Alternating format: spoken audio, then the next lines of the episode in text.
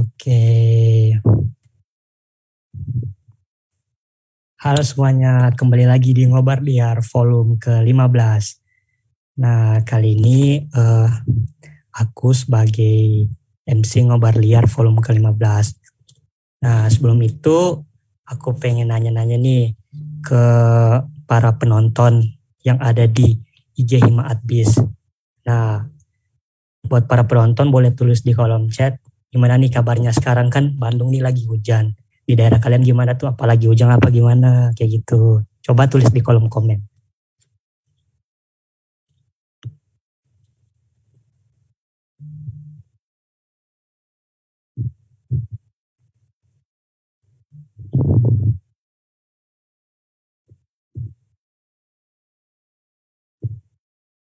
Wih, ternyata penonton kita udah lumayan banyak nih.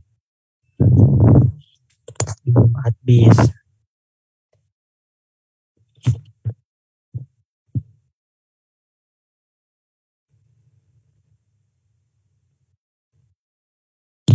Uh, aku berharap ya semoga uh, kita diberi kesehatan selalu dan juga diberi rahmat oleh Tuhan Yang Maha Esa. Apalagi kita kan sekarang lagi ngejalanin ibadah puasa yang di mana di bulan itu uh, kita harus mengais sebanyak-banyaknya pahala gitu. Artinya kita harus memanfaatkan bulan ini dengan sebaik-baiknya mungkin. Nah, untuk teman-teman sekalian, uh, aku ingatin lagi buat uh, selalu bersikap sopan saat live berlangsung gitu. Jangan ada unsur-unsur sara dan lain-lain. Dan juga untuk teman-teman boleh banget tuh bagiin live-nya ke teman-teman yang lain buat join nonton gitu. Soalnya uh, pada topik kali ini kita akan kedatangan narasumber yang keren dan juga uh, topik yang relate gitu yang dibahas buat jurusan kita sendiri. Wih, ada yang bilang di cuacanya di kotanya dingin dan lain-lain. Wih, keren, keren, keren. Uh, untuk teman-teman sendiri, apakah teman-teman tahu nih, kita kali ini ngangkat temanya tuh tema apa sih buat teman-teman? Boleh nih pada tulis di kolom chat kalau tahu. Itu tema apa sih yang kita angkat pada ngobar liar volume ke-15 kali ini.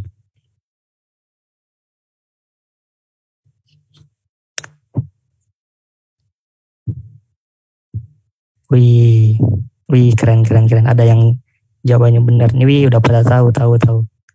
Wih. Nah, untuk tema kita sendiri kali ini yaitu menjadi pengusaha muda sebelum wisuda. Nah, yang mana temanya tuh akan dibawakan oleh narasumber yang berkompeten di bidangnya. Kayak gitu.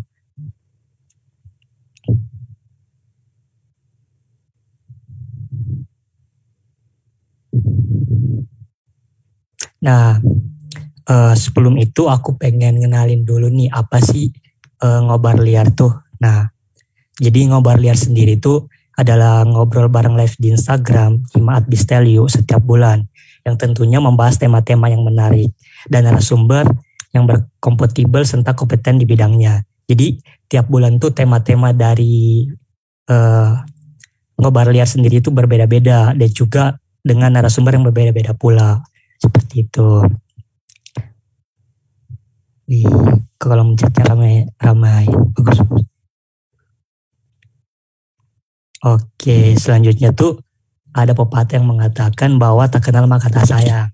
Nah kali ini izinkan aku kenalin diri. Nama aku Boga Putra Nugra berasal dari Hima Adbis Angkatan 2022 yang di mana uh, kali ini aku kuliahnya di Telkom Angkatan 2021 tapi Hima Adbisnya 2022 gitu.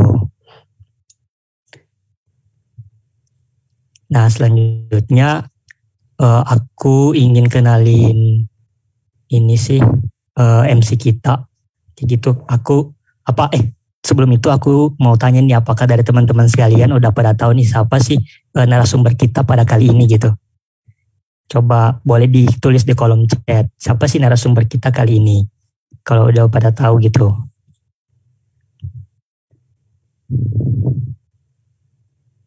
Wih, ada tuh yang udah tahu. Boleh dong. Nah. Wih. Wih banyak nih udah pada tahu. Nah oke okay. kalau gitu aku jelasin aja siapa sih narasumber kita kali ini. Jadi narasumber kita kali ini itu namanya Sultan Munjahid Abdul Jabar. Nah dia tuh pemuda yang aktif sekaligus dia udah mendirikan beberapa organisasi yang bergerak di bidang kepemudaan, kewirausahaan dan juga sosial masyarakat. Nah dia sendiri ini merupakan anak anak adbi sih mak, anak uh, administrasi bisnis Telkom angkatan 2021 yang di mana dia sudah uh, mempunyai banyak riwayat seperti organisasi maupun riwayat uh, seperti speaker experience di berbagai webinar kayak gitu. Seperti sekarang dia dari tahun 2021 sampai sekarang menjadi wakil KNPI Kota Cimahi di bidang ekonomi kreatif dan juga digitalisasi.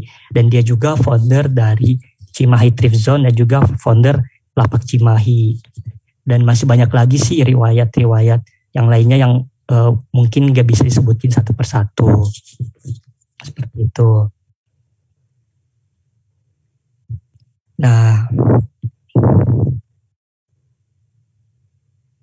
mungkin langsung saja kita sambut aja, kita panggil aja narasumber kita pada kali ini yaitu Sultan Mujahid Abdul Jabar.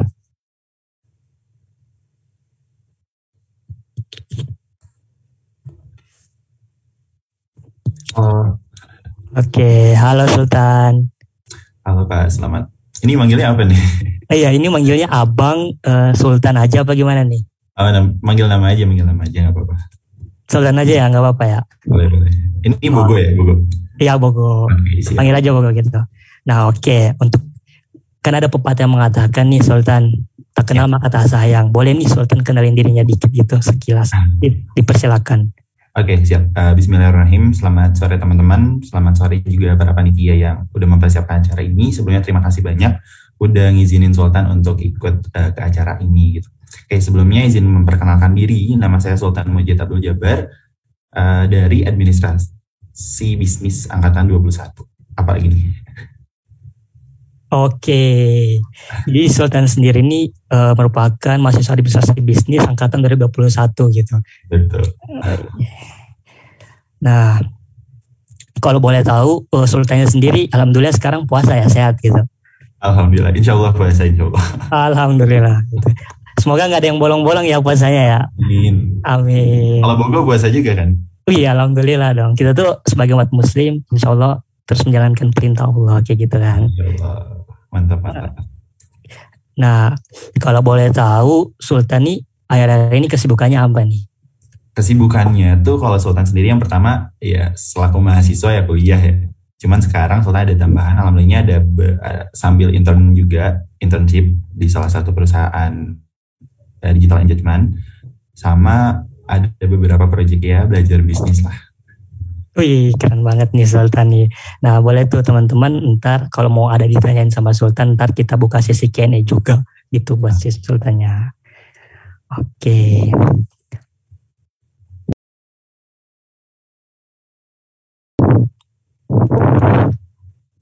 Nah, mungkin kita bisa langsung sharing-sharing aja mengenai topik yang akan kita bahas kali ini, yaitu menjadi pengusaha muda sebelum wisuda. Agak berat ya temanya.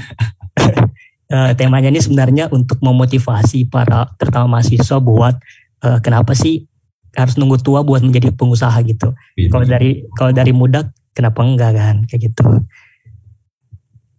Nah boleh nih kalau dari aku mau nanya nih dari sultannya sendiri. Kalau dari sultannya sendiri memandang bisnis itu seperti apa sih kalau dari sultannya? Uh, bisnis itu adalah sebuah kebutuhan ya. dan bisnis itu adalah sebuah yang uh, kita laksanain juga entah sadar atau tidak sadar intinya bahwa bisnis itu adalah sebuah konsep yang mana jika kita menguasainya insya Allah bisa mendapatkan apa yang kita inginkan Wih, intinya itu berarti bisnis itu uh, bermanfaat untuk orang banyak gitu. Betul. Tapi dengan iming-iming profit juga tentunya kan. Ya betul. Namanya juga kan ya pasti harus cuan nah. gitu. nah tadi kan aku sempat baca-baca nih CV dari Sultannya sendiri. Hmm. Sultan sendiri tuh udah kayak ada founder di beberapa bisnis gitu kayak Thrift Zone, Lapak Cimahi. Uh, kalau boleh tahu tuh bisnisnya tuh bergerak di bidang apa gitu? Oke, okay, uh, kalau untuk lapak Cime sendiri aku uh, kalau thrift zone ya bergerak di bidang thrift lah ya, maksudnya fashion gitu. Kalau untuk si lapak Cime sendiri, ini adalah organisasi yang memang aku buat sama teman-teman yang dalamnya tuh isinya ada banyak. Jadi lapak Cime ini jadi holding company gitu, yang isinya tuh ada uh, F&B, food and beverage atau fashion sama uh, sama jasa. Hmm, ya ya ya. ya. Berarti uh, Sultan tuh ngerintis itunya sejak kapan sih kalau gue tahu? Kan Sultan sekarang kuliah. Jadi ngerintis itu sejak kapan sih? Uh, kalau untuk masa perintisan ada beberapa bisnis yang memang dari SMK gitu ya. Cuman ya uh, belum terlalu intens mungkin ya pada saat itu. Cuman waktu itu mulai-mulai fokus bangetnya tuh pas awal pandemi gitu. Karena memang jadi trigger juga bahwa kita memang gak bisa ngandelin siapa-siapa nih. Ternyata memang bisa uh, harus menghasilkan diri sendiri. Jadi dari situ dari awal pandemi itu mulai difokuskan sih berarti sekitar 2019 lah. Oh berarti karena ya. pandemi Sultan tuh kayak berinisiasi gitu buat ngebangun bisnis kayak untuk apa sih diam-diam di rumah kalau bisa buat bisnis gitu. Ya karena mungkin banyak waktu kosong ya untuk kita. Oh iya benar. Aktivitas. ya. Tapi bener sih kayak salah satu dampak mungkin dampak positif dari pandemi itu kayak membuat kita dipaksa untuk bergerak gitu. Betul berpikir ya gitu. Ah berpikir benar-benar. Bisa keren, keren, keren, keren. Wih, kalau boleh tahu kan tadi ada beberapa tuh kayak thrift zone dan lain-lain. Hmm. Uh, itu tuh Sultan modalnya gimana tuh untuk ininya? Apalagi kan Sultan nih pelajar juga. Hmm. Uh, itu kira-kira gimana tuh untuk masalah modalnya gitu? Oke, ini pertanyaan yang agak sering gitu ya dilontarkan untuk terutama anak-anak muda uh, sosial kita nanyain modal dan sebagainya.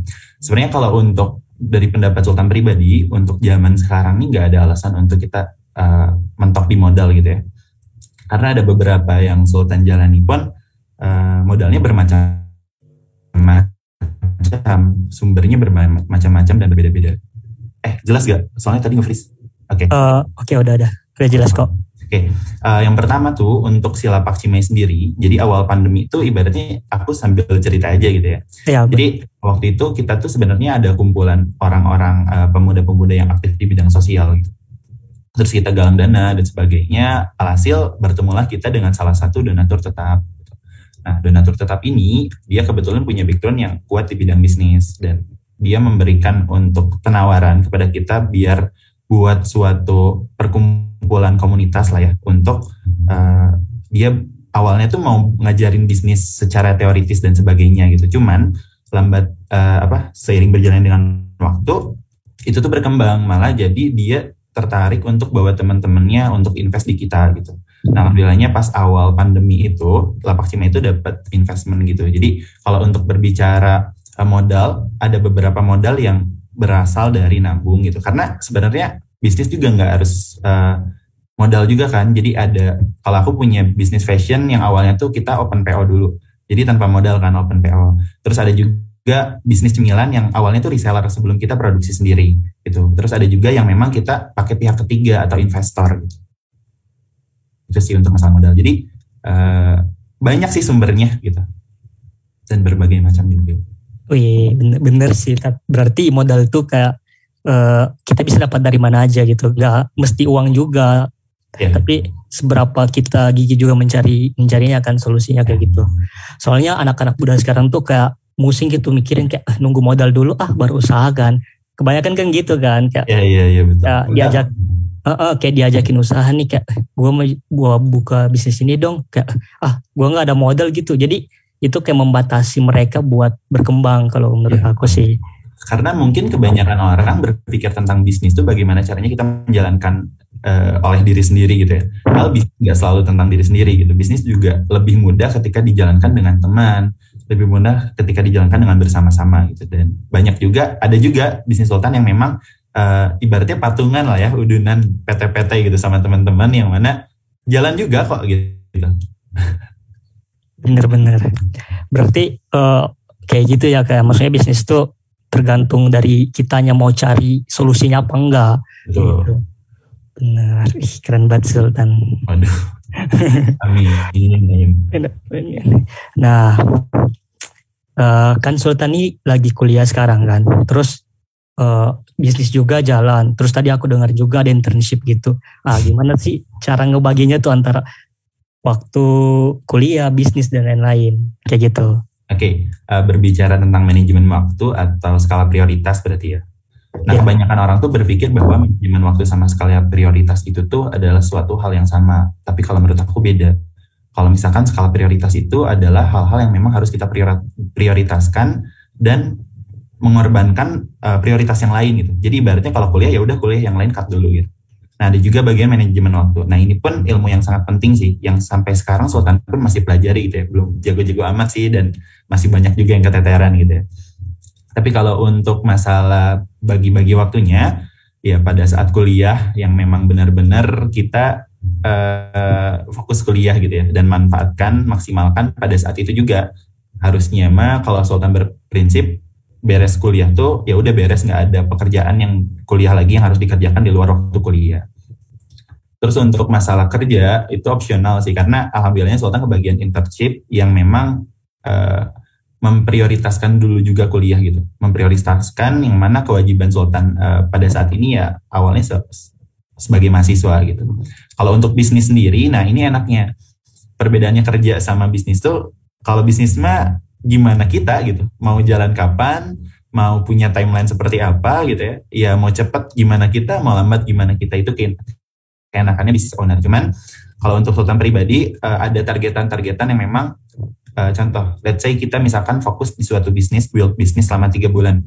Nah setelah tiga bulan tuh uh, kita uh, nargetin yang mana apa-apa nih harus yang tercapai apa-apa aja yang harus tercapai apa-apa aja yang harus di achieve gitu ya uh, kalau misalkan lewat dari timeline itu ya kita harus move kita harus move karena memang uh, perencanaannya udah lewat batas gitu sih. Tapi ada pula kalau untuk masalah kuliah ya dekat-dekat sama teman aja lah. Intinya insya Allah kebantu sih kalau. Bener ya apalagi kan, kan kita sekarang kayak lagi online ya gitu. Betul. jadi uh, kalau bisa dibilang tuh uh, teman tuh bisa membantu sangat banyak gitu di program online. Setuju banget setuju Berarti Sultan ini tipenya gitu tetap memfokusin kuliah cuma uh, memanfaatkan sesuatu yang ada gitu untuk membantu yang lain. Iya, iya, iya. Ih, keren, keren, keren. Oke nih, weh. bagi teman-teman yang mau tanya seputar narasumber tadi atau udah pada menggebu-gebu nih mau nanya silahkan di kolom chat. Ntar pada saat sesi Q&A uh, aku tanyain ke sultannya kayak gitu. Oke lanjut lagi ya Tan. santai aja. Santai aja santai. Ya. sambil ngabuburit kan kita? Oh sambil ngabuburit. Nih ngobrolnya santai aja ngalir sambil nungguin ini kan. Buat buka puasa. Belum buka puasa kan Dan? Belum lah. Kemarin oh, udah sih. Oh, kemarin oh, udah ya. Oh kemarin ya, ya, belum. Oke. Nah, dari tadi tuh kan aku ngeliat bisnis Sultan. Ah, kenapa Sultan tuh milih bisnisnya tuh di bidang itu. Maksudnya kayak di lapak Cimahi, kenapa milihnya di bidang lapak Cimahi, di bidang thrift, kenapa milihnya thrift, kayak gitu sih. Pasti ada alasannya gitu kenapa milih bisnisnya di bidang itu. Coba. Oke, okay, uh, eh, pertama kalau untuk sekarang tuh alhamdulillah udah beberapa bidang fokus gitu ya. Tapi untuk awal-awal tuh Sultan fokusnya di F&B. F&B ada uh, cemilan, terus ada catering, ada beberapa juga brand-brand makanan yang ya kecil dan menengah juga. Nah, kenapa? Karena lihat potensi dan lihat kesukaan dulu sih. Kalau Sultan berawal bisnis itu dari situ. Lihat dulu kesukaan Sultan. Oh, aku suka makan dan kira-kira kalau jual makanan mah nggak ribet gitu. Ibaratnya kasarnya bisa jual dedet atau jual kayak eh, teman juga bisa bantu gitu. Terus potensialnya yang memang uh, ada. Terus ada misalkan teman-teman yang punya industri yang bisa mensupport uh, tentang bisnis kita. Nah, Sultan ambil dari situ juga. Biar nanti ketika kita build bisnisnya tuh komponen-komponennya mudah didapatkan. Gitu. Alhasil uh, ya bisnisnya juga bisa berjalan dengan maksimal. Oh oke. Okay. dari potensi dan keinginan, kesukaan lah ya itu. Oh bener sih berarti Sultan tuh ngelihat bisnis tuh peluangnya dari kesukaan Sultan dulu. Biar ngebulitnya tuh gampang juga kan. Dan kitanya nggak beban gitu kan. Kalau kita suka ya enak kita enjoy. Oh benar-benar. Yeah. Oke. Okay. Uh, kalau dari Sultannya sendiri itu uh, melihat kayak generasi muda sekarang tuh yang banyak nih udah jadi kayak pengusaha muda satu miliar pertama di usia berapa gitu itu tuh Sultan ngeliatnya gimana tuh kalian gitu sebenarnya kalau Sultan pribadi motivasi banget lah ya kalau untuk lihat uh, orang-orang muda yang memang dia udah berhasil entah uh, dengan cara apa pun itu gitu ya. Cuman Sultan berpikir bahwa pemuda tuh memang butuh idol pemuda tuh memang butuh sosok yang bisa dijadiin inspirasi. Oke kita berpikir bahwa sukses tuh di usia 30-40 rata-rata gitu ya banyak kan ada pula yang di bawah atau di atas itu. Cuman kalau kita uh, melihat gitu ya contoh ada suatu sosok yang sukses di usia 40 tahun kita tuh nggak akan terlalu ke trigger gitu. Ketika 40 tahun dia udah punya misalkan satu uh, miliar atau berapa miliar gitu. Cuman kita bakal lebih ke trigger dan bakal nanya caranya gimana ketika ada orang yang contoh usia 21 tapi dia udah sukses. Berarti yang relate sama kita lah ya. Nah, Sultan berpendapat bahwa semakin banyak orang-orang muda yang sukses pun semakin banyak juga anak-anak muda yang terinspirasi gitu. Karena inspirasi itu uh, bakal lebih kuat ketika banyak yang relate sama kita. Jadi gimana nih caranya? Oh benar-benar. Jadi uh, kayak hal-hal tersebut itu dijadi motivasi ya bukan dijadiin oh. iri gitu kan. Oh, soalnya ada beberapa kayak mereka kayak iri aja tapi nggak ngelakuin aksi gitu buat nge ngecapai itu sih. Kalau iya iya iya betul. Ada juga yang kayak gitu sih. Hmm. Tapi semoga kita nggak jadi anak muda yang tanda kutip seperti itu kan. Amin. Kalaupun udah ya kita berubah bareng-bareng aja lah ya. Iya bener. Kalaupun udah, ayo waktunya berubah kan sekarang. Tunggu kapan lagi kan. Happy. Oke. Nah, aku ingatin lagi ya buat teman-teman yang mau nanya seputar narasumber dan tema kali ini, uh, aku persilakan di kolom chat. Ntar kita bahas bersama di sesi Q&A. Nah, tadi berbicara soal role model dan lain-lain. Nih, kalau boleh tahu uh, apa sih motivasi Sultan untuk memulai bisnis padahal masih menjadi mahasiswa gitu? Oke, okay. kalau Sultan motivasinya banyak banget sih ya intinya uh, dari keadaan, dari inspirasi, dari uh, baca buku juga sering menimbulkan motivasi gitu ya. Tapi ada suatu uh, momen di mana Sultan berpikir bahwa kalau kita mulai cepat berarti bisa lebih uh, lebih cepat juga suksesnya gitu. Entah berhasil atau enggaknya pun tapi ibaratnya orang yang start duluan, orang yang mulai duluan tuh pasti nyampe lebih duluan gitu. Walaupun kegagalan dan keberhasilannya pasti ada uh, proses lah ya yang kayak gitu. Dan juga kalau saya ada kata-kata bijak seperti ini sih. Jadi kalau orang yang masa mudanya lebih banyak ngopi daripada kerja, maka masa tuanya tuh lebih banyak kerja daripada ngopi gitu. Jadi kalau orang masa mudanya lebih banyak kerja ketimbang ngopi, di masa tuanya dia bisa lebih banyak ngopi ketimbang kerja. Itu sih. Eh, keren-keren. Berarti Sultan tuh intinya bersusah-susah dahulu, bersenang-senang kemudian. Betul. Tapi kalau bisa susah senang duluan gitu dan senang. Oh iya, yeah. ya senang terus. ya kenapa harus susah dulu kalau bisa senang terus ya? kalau boleh milih gitu ya. Oh ya benar, benar-benar. Iya sih. Ya. Oke. Okay. Nah kan Sultani uh, kalau dibilang sih kayak udah punya beberapa usaha hmm. gitu. Nah uh, aku mau tahu nih uh, gimana sih suka dukanya Sultan tuh menghadapi uh, usaha Sultan itu. Pasti ada naik turunnya gitu. Wah pasti banget. Oke, okay, ada beberapa juga bisnis yang memang bisa dicap gagal gitu. Cuman Sultan tidak pernah mencap gagal karena kalaupun nggak melalui proses itu Sultan nggak akan bisa seperti ini gitu kasarnya. Jadi ada beberapa bisnis yang memang lagi eh, lagi-lagi gitu ya karena pada dasarnya anak muda mungkin ya kurang pengalaman. Malah dalam uh, rangka untuk mencari pengalaman tersebut ada beberapa project yang memang ternyata kita butuh orang lain untuk ngedayer kita, butuh orang lain untuk uh, nge-mentorin kita gitu untuk uh, biar wawasan kita terbuka dan pengalaman-pengalaman yang kita hadapi ke depannya lebih mudah gitu. Jadi ada beberapa ada berapa ada contohnya bisnis uh, waktu itu su, waktu itu bisnis tentang ekspor nih. Waktu tahun 2021 tuh Sultan sempat ekspor juga uh, powder teh ke Yaman gitu. Tapi ini prosesnya panjang banget dan ini memakan waktu gitu. Padahal sebenarnya kalau udah dilakuin sama yang profesional kayaknya kurang dari seminggu udah jadi gitu. Jadi waktu itu ada uh, buyer gitu dari Yaman minta spesifikasinya udah jelas dan sebagainya. Terus Sultan bingung kan nyarinya ini gimana ya? alhamdulillahnya ada teman yang memang dia punya relasi di bidang pertanian dan perkebunan gitu. Terus Sultan survei ke sana, terus uh, udah lihat nemu barangnya, terus udah dapat uh, kontrak dan sebagainya kayak gitu. Nah hasil uh, udah dapat barangnya tuh Sultan tuh langsung kontak ke si buyer kan. Terus awalnya kirim sampel dulu. Nah pas kirim sampel tuh Sultan nggak tahu ini tuh ongkosnya dibayar siapa gitu kan. Tapi ya gengsi untuk nanya gitu takutnya kan katanya mau bisnis tapi takut gak punya uang dibilangnya takutnya kesannya gitu sama buyer tuh ya udah Sultan maksain sendiri itu untuk ngongkosin si uh, apa ya, ngongkosin si sampelnya itu dikirim terus itu tuh lama banget dan Sultan nggak follow up. Nah salahnya tuh karena takutnya jadi risih kan. Kalau anak muda kalau banyak yang nanya-nanya kan mikirnya risih ya. Padahal kalau dalam dunia bisnis itu tuh hal yang wajar dan hal yang harus di follow up tuh hal, yang pasti itu harus yang bagus. Terus dari situ oke okay, udah Sultan nggak cerita ke siapa-siapa sih kalau untuk masalah untuk kirim sampel tuh cuman pas uh, keluar si value-nya berapa keluar si uh, permintaannya berapa uh, baru tuh waduh ternyata kuantitinya banyak juga ya. Waktu itu tuh awal tuh sekitar satu kontainer tapi 40 feet. Jadi sekitar 40 tonan. Untuk awal tuh kan aku langsung kaget gitu kan. Wah langsung segini gitu kan. Di situ baru mentok tuh. Karena supplier Sultan tuh nggak bisa untuk produksi seperti uh, sebanyak itu tuh gitu. Harus pakai supplier besar. Nah di situ agak agak udah kayak ngurunin oh berarti Indonesia nggak sanggup. Mikirnya sesimpel itu gitu. Tapi ada beberapa aku cerita ke teman-teman aku ke mentor-mentor juga. Uh, aku punya mentor kebetulan terus cerita kenapa nggak bilang ke gue katanya. Lalu terus dia tuh langsung ngoneksiin aku sama channelnya dia.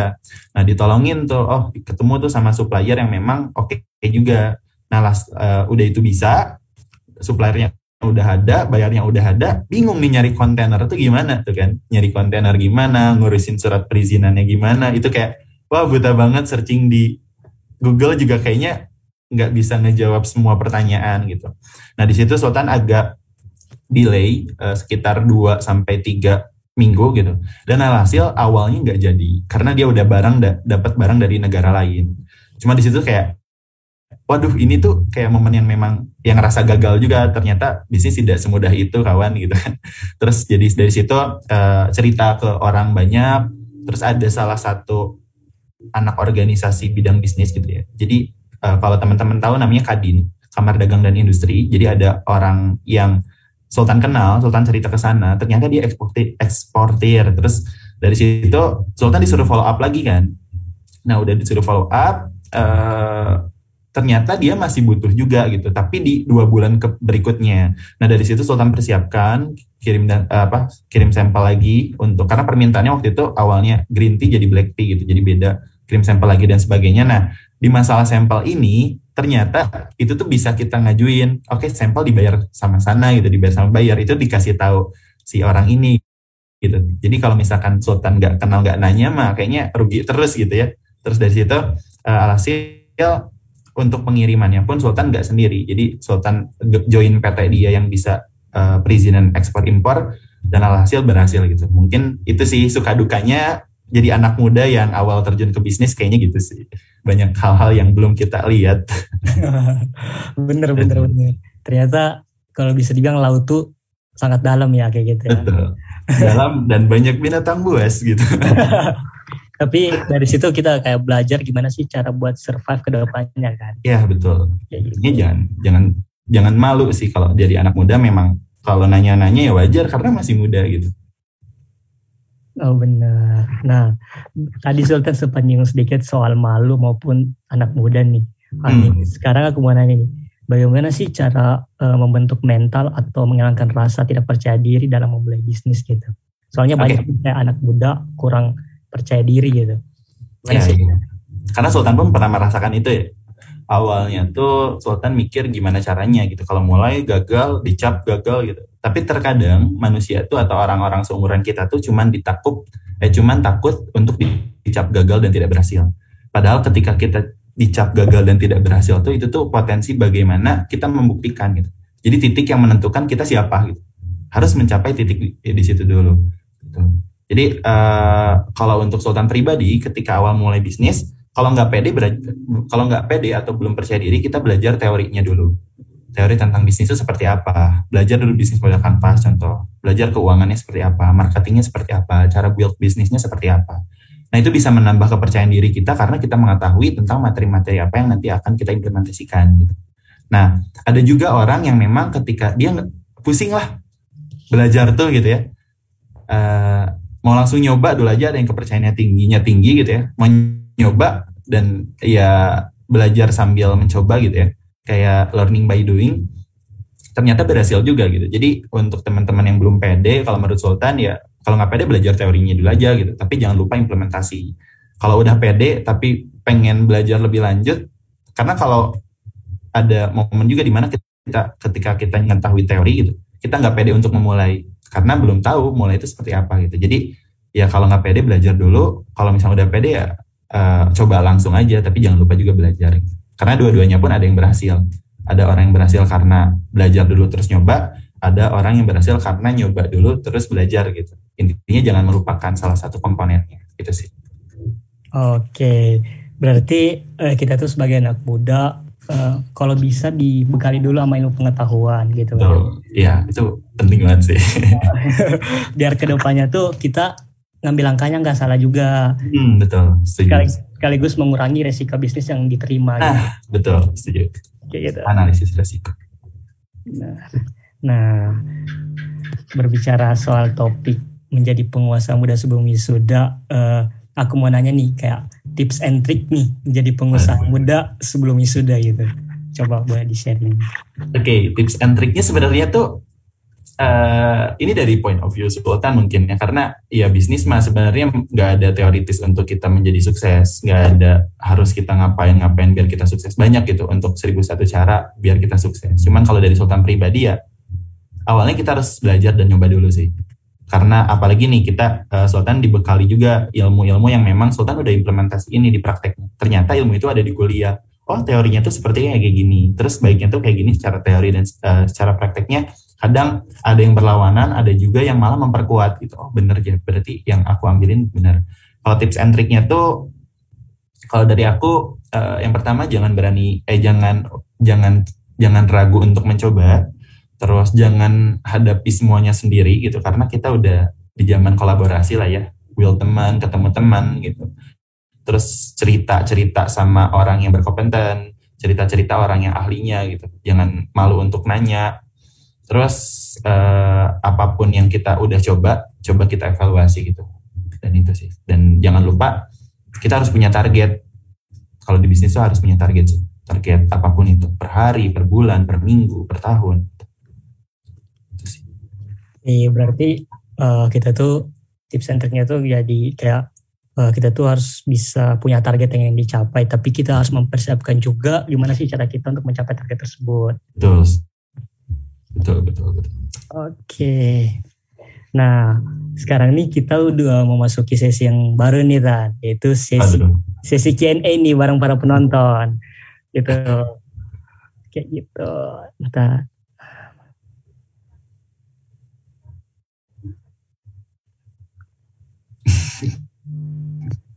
Aku ini dulu pilih pertanyaan dulu ya, Tan. Oh, ya. Aman, aman. Aku pilih jawaban dulu gitu kali. Ya, benar. Aku siap. Gak ada. Aku siap. Aku siapin pertanyaan, kamu siapin jawabannya. Siap.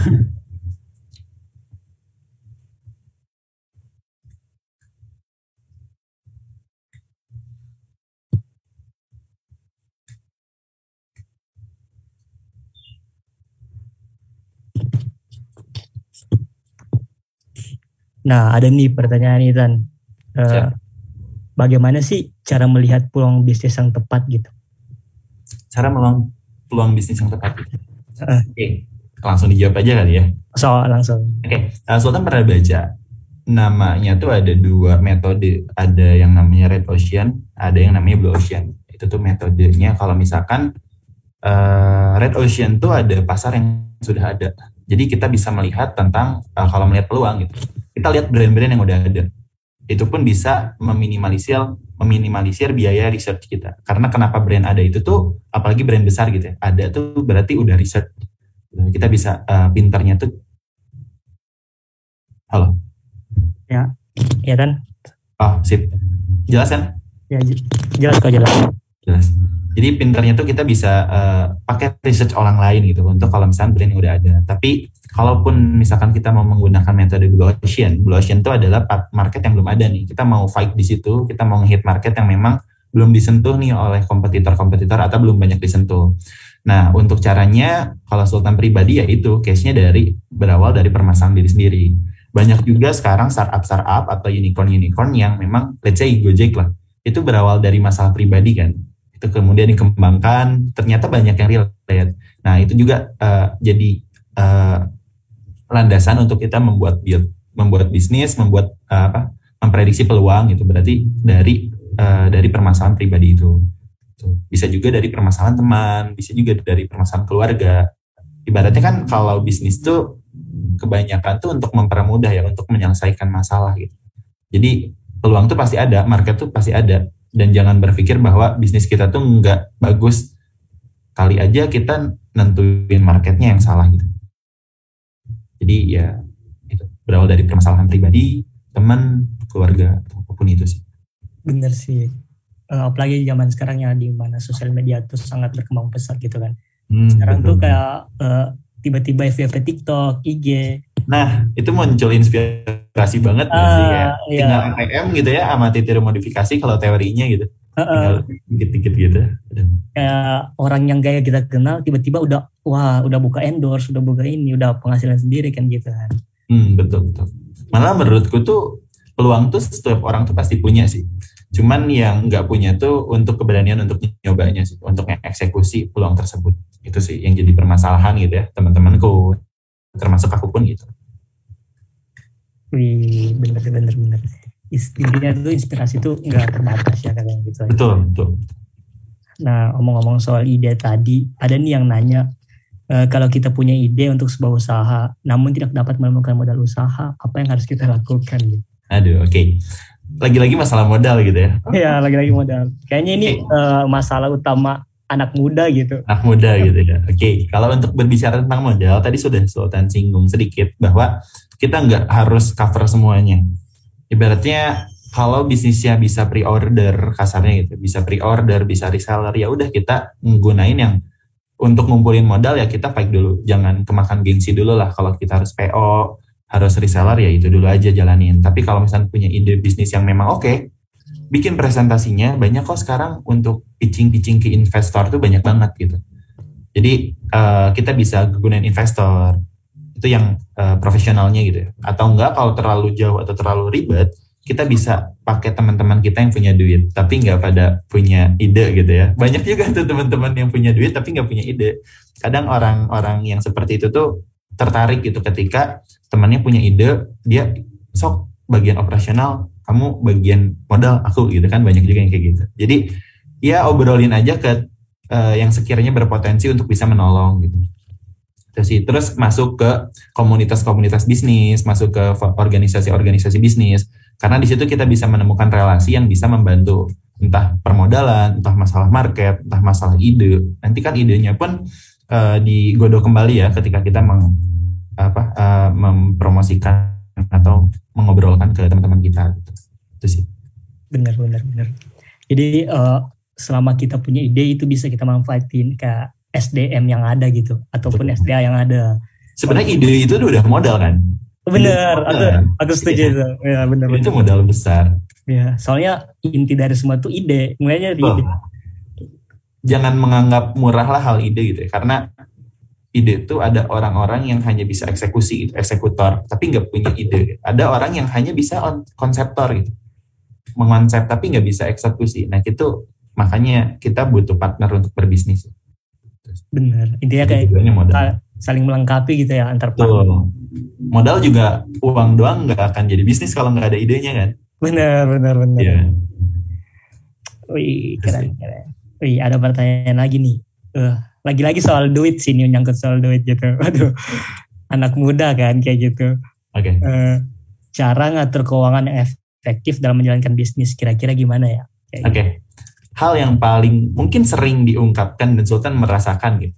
Pisahin yang mana namanya rekening bisnis sama rekening pri pribadi. Itu tuh menurut aku gitu ya, simpel nggak dengernya, tapi kalau teman-teman udah merasakan yang mana uang bercampur, dan sebagainya gitu. Wah itu tuh pusing banget. Makanya kalau tips untuk mengelola keuangan, yang pertama kita harus punya laporan keuangan dulu tuh. Laporan keuangan, buku besar, aktif lancar, aktif tidak lancar, kas keluar, kas masuk, terus kita punya cash flow, yang mana itu harus dipelajari secara teoritis gitu. Jadi ya kasar kalau bahasa Sundanya mah wayahna gitu ya, kita harus belajar gitu.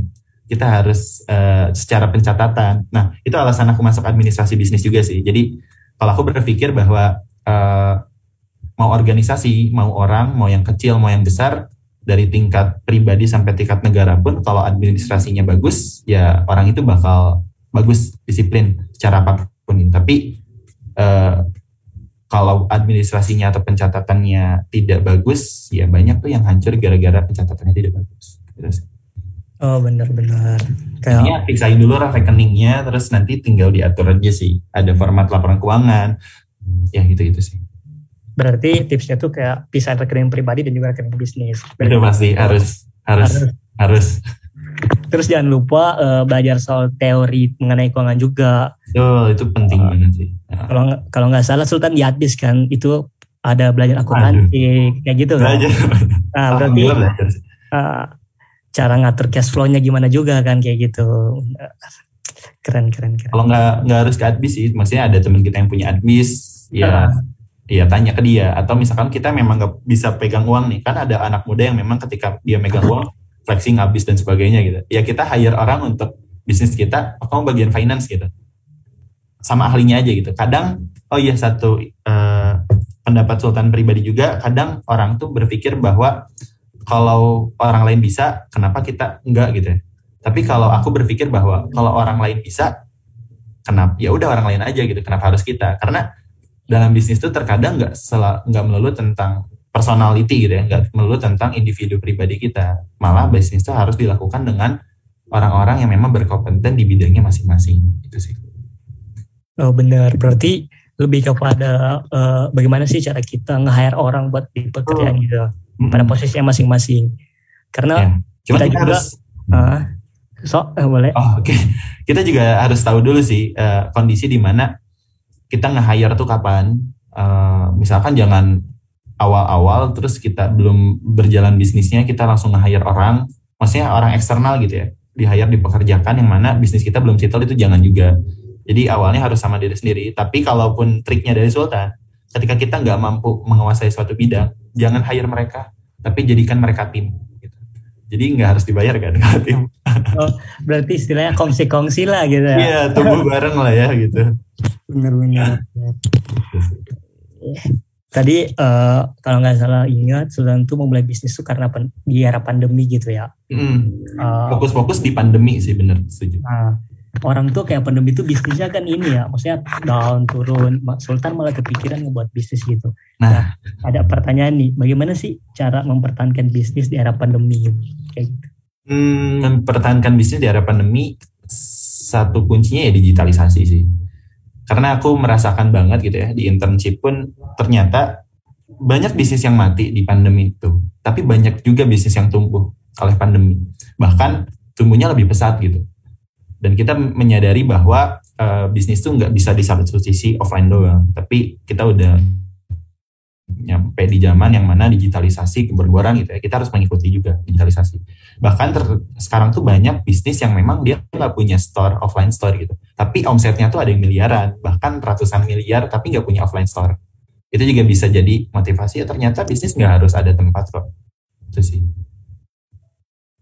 Jadi uh, untuk masalahnya gimana cara mempertahankannya, kita harus adaptasi dengan segala sesuatu yang terjadi gitu. Dan kalau di pandemi ya kita harus go, di, go digitalisasi. Mau masuk GoFood atau mau masuk apa pun. Oh berarti aku juga pernah dengar sih kunci bisnis itu bertahan tuh yaitu adaptasi gitu. Hmm. Bukan lagu tulus ya? Waduh. Waduh. Hati-hati di jalan dong. jadi bener sih aku kayak uh, ngelihat juga bahwa bisnis-bisnis yang nggak bisa adaptasi di era digital digitalisasi itu uh, mulai menurun gitu performanya. Hmm. malah yang anak muda yang digitalisasi mulai startup dan lain-lain itu saking meningkat. Boom, gitu. ya? Eh, malah boom. Bener-bener sih. Kasarnya kayak Bluebird lah kita bisa lihat case-nya Bluebird yang besar gitu. Dia nggak bisa ber uh, ngikutin zaman gitu ya beda sama dengan Gojek dia nggak harus punya mobil banyak dia nggak harus punya driver banyak eh bukan uh, rider banyak. Dia memperdayakan gitu. Yang mana sekarang ya orang bisa kasarnya terperdaya dan bisa memanfaatkan itu. Jadi tumbuh juga. Itu sih. Benar-benar sih. Nah lanjut lagi ke pertanyaan selanjutnya nih. Eh, hal-hal fundamental apa saja yang harus kita perhatiin sebelum memulai bisnis gitu? Oke. okay hal-hal fundamental ya. Iya, berarti yang fondasinya lah istilahnya. Nah, uh, kalau Sultan pribadi sih berpikir bahwa yang pertama tuh adalah mental. Karena mental tuh penting banget. Pinter teori, pinter praktek, mentalnya nggak kuat, hancur juga sih. Mental, mentalnya memang harus dilatih dengan cara ya track record, jam terbang dengan baca buku juga bisa. Maksudnya dengan mengetahui teori-teori mental kita jadi terbangun. Oh, ternyata kita kemarin gak gagal. Oh ini solusinya loh. Itu itu untuk membuild mental kita itu. Fundamen banget. Yang kedua ya lanjut ke uh, udah mental lanjut ke ya pengetahuan. Ini bisa dibanding terbalik sih. Bisa langsung eksekusi bisa langsung kita belajar dulu. Intinya itu sih. Tapi yang paling fundamental menurutku di bisnis adalah mental Oh ya berarti kita tuh sebagai pengusaha tuh harus nyiapin mental terlebih dahulu gitu. Betul. Uh, harus gagal sih. Istilahnya siap dari segala kemungkinan gitu ya. Betul, setuju, setuju. Nah, ada lagi nih yang nanya di kolom chat dari Deliana Fitra gitu. Dia apa tantangan terbesar yang dihadapi ketika menjadi pengusaha muda di saat berbarengan menjalankan atau menempuh pendidikan seperti sekarang ini? Gitu.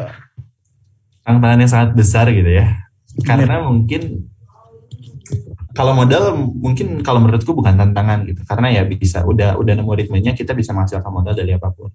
Tapi yang agak keteteran tuh kalau berbentrokan dengan kampus atau universitas. Yeah. di satu sisi apalagi orang tua gitu ya menginginkan bahwa uh, ya nggak naif lah kita bahwa IP IP IPK tuh ya menjadi salah satu perhitungan kesuksesan juga gitu. Padahal menurutku enggak juga sih. Cuman ya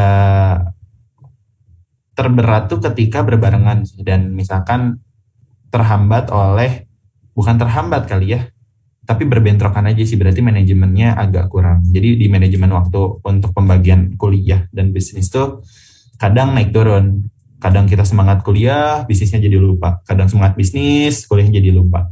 Itu sih Nah, iya, benar benar benar benar.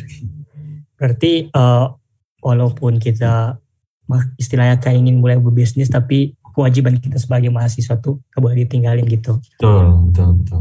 Karena nggak naif juga orang tua tuh pengen ngelihat kita istilahnya lulus gitu. Karena UKT mahal juga bos. uh, iya sih bener. Biar, gak jadi, biar gak jadi beban untuk orang tua lagi gitu. Betul. Biar, ya biar cepat-cepat lulus lah istilahnya. nah ada nih lagi pertanyaan nih Tan. Uh, peluang bisnis apa yang kira-kira cocok buat mahasiswa baru yang ingin memulai bisnis gitu? Kira-kira kalau menurut Sultan apa tuh? Uh, peluang bisnis apa pun cocok sih. Lagi-lagi ya, bisnis tuh gimana kita, gimana potensi yang punya kita. Jadi kalau aku tuh bilang bisnis tuh adalah sebuah uh, sebuah orang gitu ya, bukan sebuah seseorang gitu atau sebuah makhluk. Yang mana makhluk itu kan punya potensi beda-beda ya. Ada yang dia bergaul di bidang uh, sport atau olahraga gitu, ada yang bergaul di bidang fashion, ada bergaul di bidang uh, yang suka makan dan sebagainya. Lagi-lagi kalau bisnis tuh hal potensial yang bisa kita jadi invalidasi adalah lingkungan sekitar kita gitu. Kalau masuk kampus berarti apa nih yang relate sama anak-anak kampus? Bisnis kosan misalkan kayak gitu kan bisa dibilang gitu. Tapi kan setiap orang kondisinya beda-beda. Setiap orang juga punya circle yang beda-beda, setiap orang juga punya potensi yang beda-beda yang mana potensi itulah yang harus kita sadari, potensi itulah yang harus kita petakan gitu. Karena ada orang juga yang dia banyak bergaul, cuman nggak tahu nih potensi yang bisa dia garap untuk di lingkungan sekitarnya apa aja. Nah itu tuh harus di kita bedah gitu ya. Oh, aku punya teman sini sini sini, backgroundnya ini ini ini Terus uh, butuhnya kira-kira ini ini ini. Nah, pemetaan itu pun walaupun agak malas, cuman itu tuh bisa jadi uh, validasi untuk kita menjalankan bisnis gitu. Jadi udah ada lah marketnya gitu. Ya. Kita harus lihat dulu marketnya. Itu gitu sih. Oh, berarti gak kita tuh harus mempertimbangkan market juga terutama kan. Ini Hmm, betul. produk yang kita buat nih eh, apakah marketnya ada atau enggak. Ya.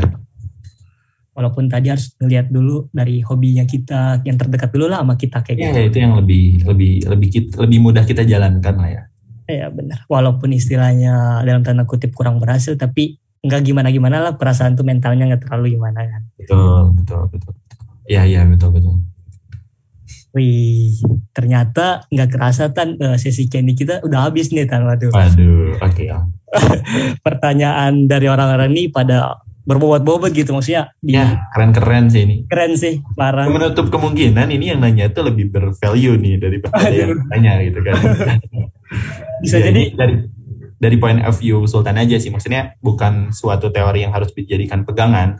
Cuman kalau istilahnya teman bisa masuk dengan ini, alhamdulillah. Kalau nggak pun ya banyak teori-teori yang berseberangan, tapi dua-duanya benar juga. Gitu berarti lebih ke gimana sih cara kita implementasiin teori itu di waktu dan tempat yang tepat gitu istilahnya. Betul, setuju, setuju, mantap, betul, betul, setuju. Oke. Eh, aku nih eh, sebelumnya terima kasih banyak sama Sultan udah mau jadi narasumber kita Aduh, aku nih yang terima kasih nih. Aduh, di ngobar liar Himadis volume ke-15 kali ini. Nah, sebelum itu eh, boleh dari Sultannya sendiri memberikan clo- closing statement gitu istilahnya. Closing statement gitu ya. Iya. Eh, yang Sultan rasain banget nih ya ketika bisnis tuh adalah hmm, siapa yang mengenalmu akan lebih menolongmu dari apa yang kamu tahu. Jadi memang di zaman sekarang tuh relasi penting banget gitu. Jadi buat eh, terutama buat pengingat buat Sultan juga jangan pernah nganggap remeh seseorang gitu ya. Terus bergaul, terus berproses, terus eh, mencoba gitu.